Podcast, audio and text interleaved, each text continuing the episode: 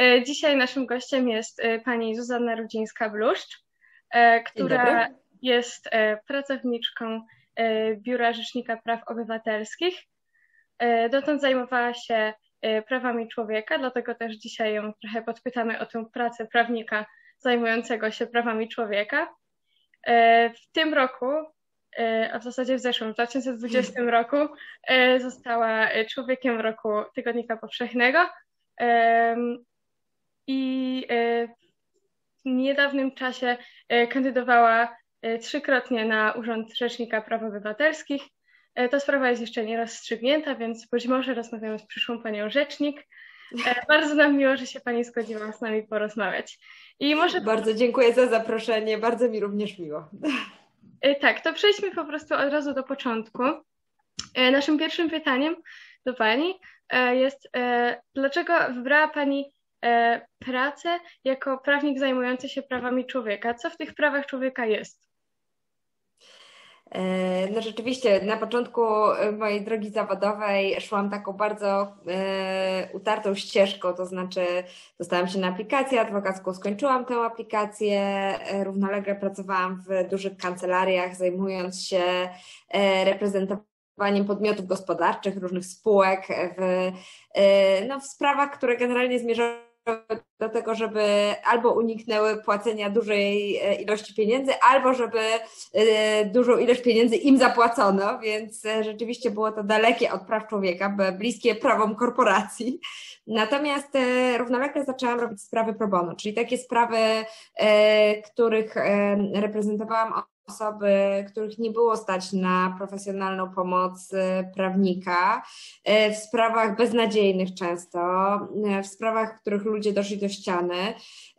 To były głównie sprawy związane z programem spraw precedensowych Helsińskiej Fundacji Praw Człowieka, ale też z innymi programami Helsińskiej Fundacji Praw Człowieka, na przykład z ich programem migranckim. Dużo wtedy reprezentowałam osób ubiegających się o ochronę międzynarodową w Polsce, czyli na przykład status uchodźcy. I te sprawy rzeczywiście e, mnie wciągnęły. To znaczy, ja zobaczyłam, że bardziej niż ta pęknięta posadzka dewelopera w budynku klasy A w dużym mieście pociąga mnie pan z Ugandy, który na skutek swojej orientacji seksualnej w Ugandzie jest bardzo e, karany homoseksualizm. On stara się uzyskać tutaj e, pomoc w Polsce i bezpieczny kraj swojego zamieszkania i widziałam, jakie emocje wiążą się z pomocą temu panu, a jaki brak emocji wiąże się z pomocą, pomocą e, temu deweloperowi. No i tak e, krok po kroku e, coraz bardziej, coraz więcej czasu wolnego wtedy poświęcałam na te sprawy pro bono, aż w 2015 roku rzecznik, ówcześnie nowo wybrany rzecznik praw obywatelskich, dr Adam Bodnar, zaproponował mi, żebym dołączyła do jego zespołu, żebym stała na czele strategicznych postępowań sądowych. Teraz pytanie może troszkę takie e, ogólne, ale e, jak wygląda taka praca w Biurze Rzecznika Praw Obywatelskich i e, czy się tak Pani właśnie na co dzień zajmuje, czy jak wygląda taki zwykły dzień w pracy?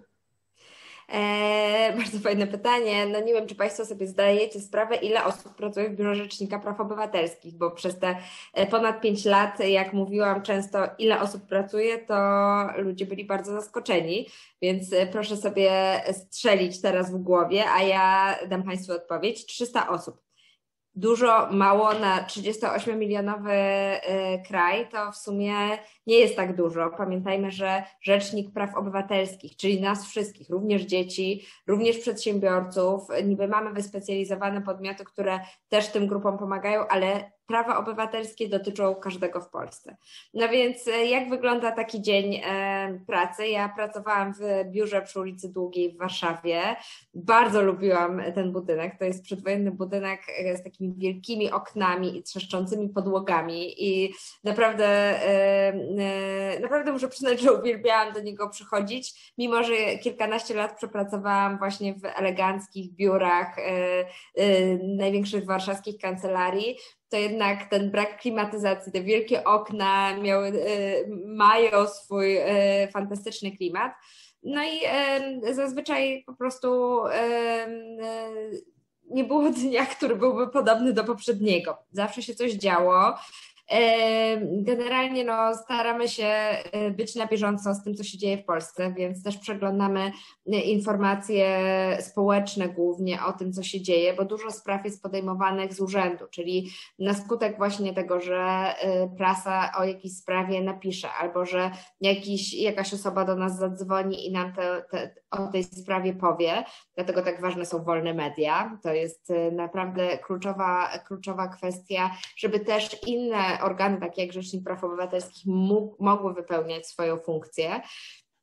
E, zazwyczaj jest dużo spotkań, e, dużo spotkań wewnętrznych, ale dużo też spotkań zewnętrznych że Rzecznik Praw Obywatelskich e, przecież też ma olbrzymią rolę w edukowaniu społeczeństwa, w e, zmienianiu naszej świadomości, w poszerzaniu debaty publicznej, w uwrażliwianiu nas wszystkich na tematy, o których być może sobie nie zdajemy sprawy. Takich tematów ja też się musiałam nauczyć, e, przychodząc z tego świata korpo, więc rzeczywiście jest bardzo dużo spotkań, bardzo jest też dużo pracy takiej prawniczej po prostu, czyli przedzierania się przez akta, pisania pism procesowych. No ja e, tego może nie miałam tak dużo jak w kancelarii, gdzie to wypełniało pewnie 90% mojego czasu, ale jednak e, też ta praca taka e, procesowa była.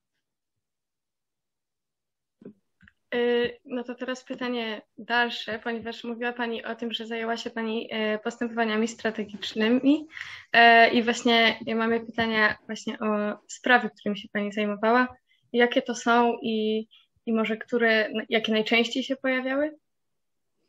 Mhm. Nie wiem, czy tak da się powiedzieć, e, które najczęściej się pojawiały, bo e, tak, no na wstępie powiem, że do Rzecznika Praw Obywatelskich wpływa mniej więcej 60-70 tysięcy wniosków rocznie. To są wszystko prośby o pomoc, no i część z tych wniosków dotyczy postępowań sądowych. E, każda sprawa jest w biurze rzecznika rejestrowana i każdy obywatel, który do nas napisze, otrzyma odpowiedź. Oczywiście czasami to będzie odpowiedź, że rzecznik nie może pomóc, ale każdy tę odpowiedź e, otrzyma. E, I jeżeli chodzi o sprawy sądowe, no to e, nie wszystkie są tymi strategicznymi, które przechodzą przez moje ręce. Bardzo wielu świetnych prawników, prawniczek z biura rzecznika zajmuje się postępowaniami sądowymi, które na przykład są postępowaniami w sprawach, które już podejmowaliśmy albo które nie przełamują linii orzeczniczej, ale są niezwykle ważne dla tej osoby. Natomiast te sprawy strategiczne to są takie, które no, są precedensami. Oczywiście my nie mamy w Polsce prawa precedensowego, tak jak w Stanach Zjednoczonych, natomiast e, są to sprawy, które są kluczowe dla debaty publicznej, które dotykają jakiegoś problemu, o którym byśmy chcieli, żeby ta debata publiczna dyskutowała, e, albo przełamują właśnie utartą linię orzeczniczą. Przykładów y, przez te lata jest mnóstwo, bo były to od spraw lokatorskich, y, czyli na przykład y, czyściciela kamienicy w Poznaniu, który wyrzucił z niej ponad 90-letnią E, seniorkę, żeby zburzyć budynek i wybudować właśnie najnowszej klasy budynek e, e, biurowy na tym miejscu. Była to sprawa przedsiębiorcy z Olsztyna, który musiał zwrócić dofinansowanie, które dostał z Urzędu Pracy i dzięki któremu założył zakład optyczny. Była to sprawa używania sformułowania polskie obozy zakłady przez zagraniczne media, wytoczona przez byłego więźnia Auschwitz. Y, była to sprawa y, przeciwko Polowi Cameronowi, osobie z Stanów Zjednoczonych, który podaje się za naukowca badającego homoseksualizm. E, i którego, który pozwał e, Pracownię Różnorodności, e, organizację społeczną z Torunia za to, że wysłała listy do rektorów uczelni, żeby ów Paul Cameron nie miał na nich wykładu. I Paul Cameron poczuł się urażony i, i właśnie dochodził swojej ochrony dobrego imienia jako naukowca.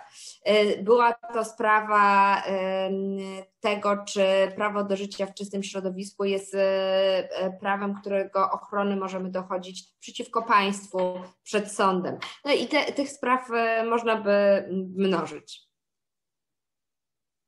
Pani jeszcze nie wspomniała, ale jeszcze się Pani zajmowała po streamingiem. Może tak króciutko opowiedziałaby Pani o, o tej kampanii, którą Pani przeprowadziła.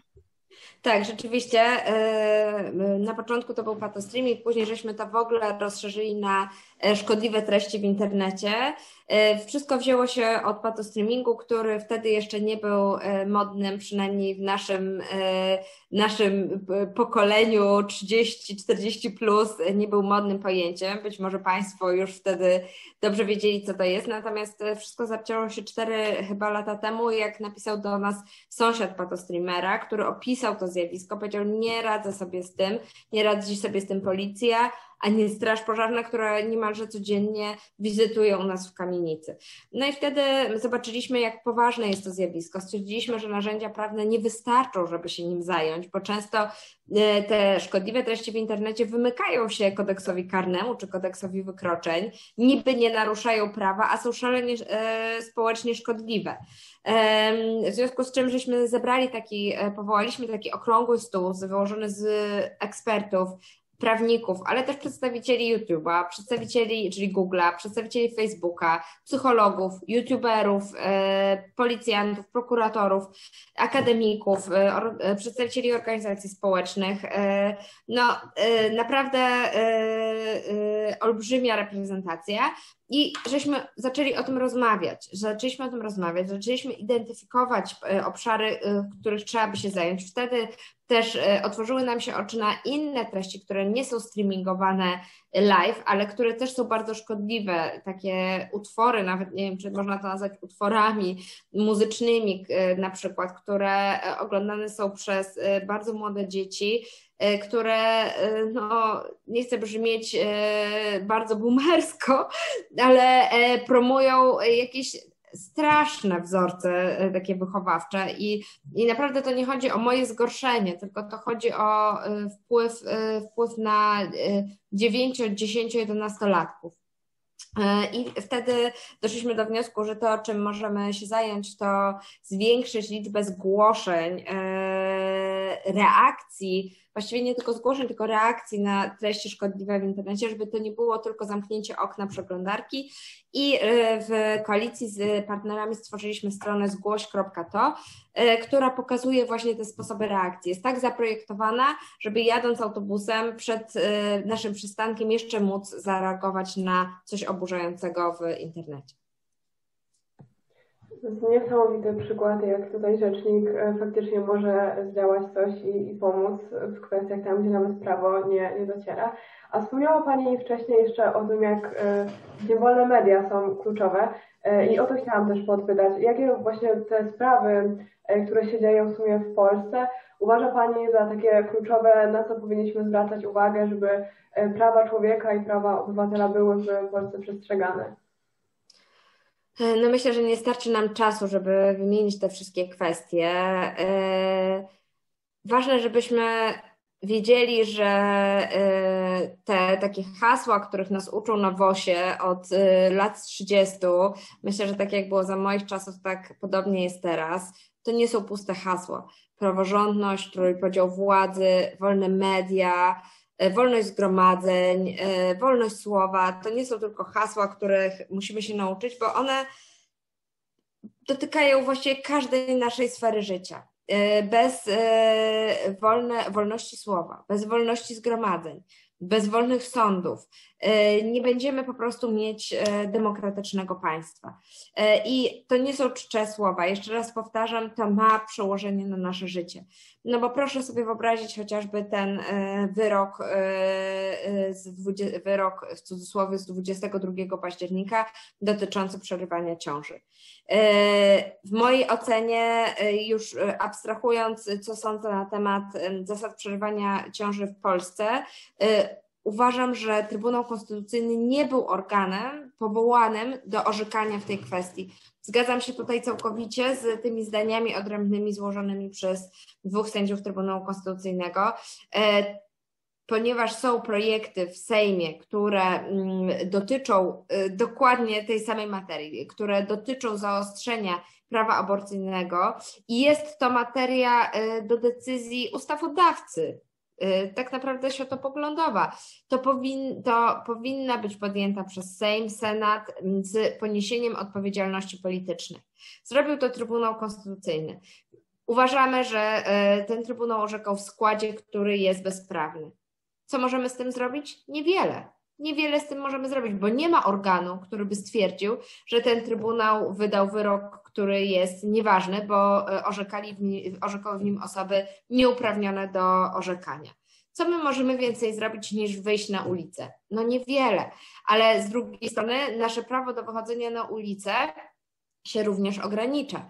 Ogranicza się je oczywiście pod y, pozorem y, y, prawa, no bo wiadomo, że nie mamy anarchii. Jest rozporządzenie, które zabrania zgromadzania się w czasie pandemii. Z tego tytułu też Marta Lempart ma zarzuty w prokuraturze. Natomiast też trzeba pamiętać, że solą demokracji jest zgromadzenie spontaniczne, które jest reakcją na pewne wydarzenia publiczne. W związku z czym widzicie Państwo, jak to wszystko jest powiązane. Jeżeli nie będziemy mieć mediów, które będą o tym pisać, no, wstrząsające wczorajsze nie wiem kiedy tutaj yy, to będzie nadawane, ale fakty z tego dnia po blackoutie mediów, w których pokazano, jak media publiczne prezentują rzeczywistość ja bym chciała, żeby był pluralizm, żeby, żebyśmy mogli e, oglądać e, e, pełen reportaż z tego, co się dzieje w Polsce, pluralistyczny, a nie według jednej linii. I tu już troszkę zaczęła Pani odpowiadać na nasze kolejne pytanie, bo powiedziała Pani, że co mogą zrobić obywatele, a my chciałyśmy się dopytać o tych młodych obywateli, naszych rówieśników, którzy nie posiadają praw wyborczych, nie za bardzo wydawałoby się mogą coś zrobić, więc co poza słuchaniem na WOSie mogą zrobić tacy obywatele, aby się zaangażować właśnie w obronę e, naszych praw obywatelskich i człowieka? Znaczy ja w ogóle uważam, e, że to jest czas młodych ja to mówię yy, i z przykrością mówię to czas młodych i nie mówię już o sobie, więc jest to dosyć smutne, bo mi się wydaje, że totalnie skończyłam szkołę kilka lat temu, no ale nie jest to prawdą. Yy, więc uważam, że, że przed młodym pokoleniem jest teraz olbrzymia szansa. Moje pokolenie, e, ja się urodziłam w 1982 roku, moje pokolenie było wychowane, żeby czekać na swoją kolej. Myśmy byli wychowani, żeby siedzieć na ławce rezerwowej i chylić czoła przed e, ojcami i matkami transformacji ustrojowej. I absolutnie uważam, że należy im się dozgonne podziękowania, szacunek. E, wręcz uważam, że mamy, mamy i powinniśmy czerpać garściami wiedzę i doświadczenie od osób, dzięki którym mamy wolną Polskę. Natomiast teraz z perspektywy kobiety prawie 40-letniej widzę, że nikt nas nie nauczył, żeby słyszeć swój głos, żeby go mocno wypowiadać, żeby sięgać też po stanowiska, e, jeżeli mamy coś do powiedzenia, jeżeli chcemy wprowadzić zmiany, jeżeli chcemy e, jakoś poświęcić e, swoje życie E, budowaniu lepszej Polski. I dlatego patrzę na Was teraz i myślę sobie, że teraz jest Wasz czas, żebyście Wy nie siedzieli na tej ławce rezerwowej, aż ja będę miała 60 lat, bo to jest jeszcze jednak 20 e, lat. Że teraz Wy powinniście działać ja oczywiście y, nie jestem w stanie Wam powiedzieć, bo ja operuję narzędziami y, y, mojego pokolenia. Nie jestem w stanie Wam powiedzieć, słuchajcie, róbcie to, tamto i owamto, bo to Wy musicie pewnie sobie to wypracować. Ale prawnych narzędzi jest bardzo dużo. Korzystajcie z wolności zgromadzeń, korzystajcie z wolności słowa, korzystajcie z tej demokracji obywatelskiej, która jest dostępna, z prawa do petycji, z, ze składania wniosków o dostęp do informacji publicznej. Naprawdę nawet zadanie pytania swojemu burmistrzowi, dlaczego wycina pod waszym oknem drzewo, już jest uczestniczeniem w demokracji. Natomiast myślę, że to najmłodsze pokolenie już gdzieś pokazuje tą, tą swoją specyfikę, na przykład młodzieżowy strajk klimatyczny czy piątki dla klimatu są takim wyrazem, takim, takim nowym narzędziem tego y, młodego pokolenia, które też urodzone jest w Europie bez granic. No zobaczcie, te piątki klimatyczne są właściwie w całej Europie. To jest niesamowite i są ponad podziałami politycznymi, ponad podziałami narodowymi, y, ponad ponad podziałami e, światopoglądowymi dla Ziemi. I to już jest to wasze nowe narzędzie, którego myśmy nie mieli. No muszę przyznać, że tchnęła Pani trochę energii w moją, moją taką wizję przyszłości.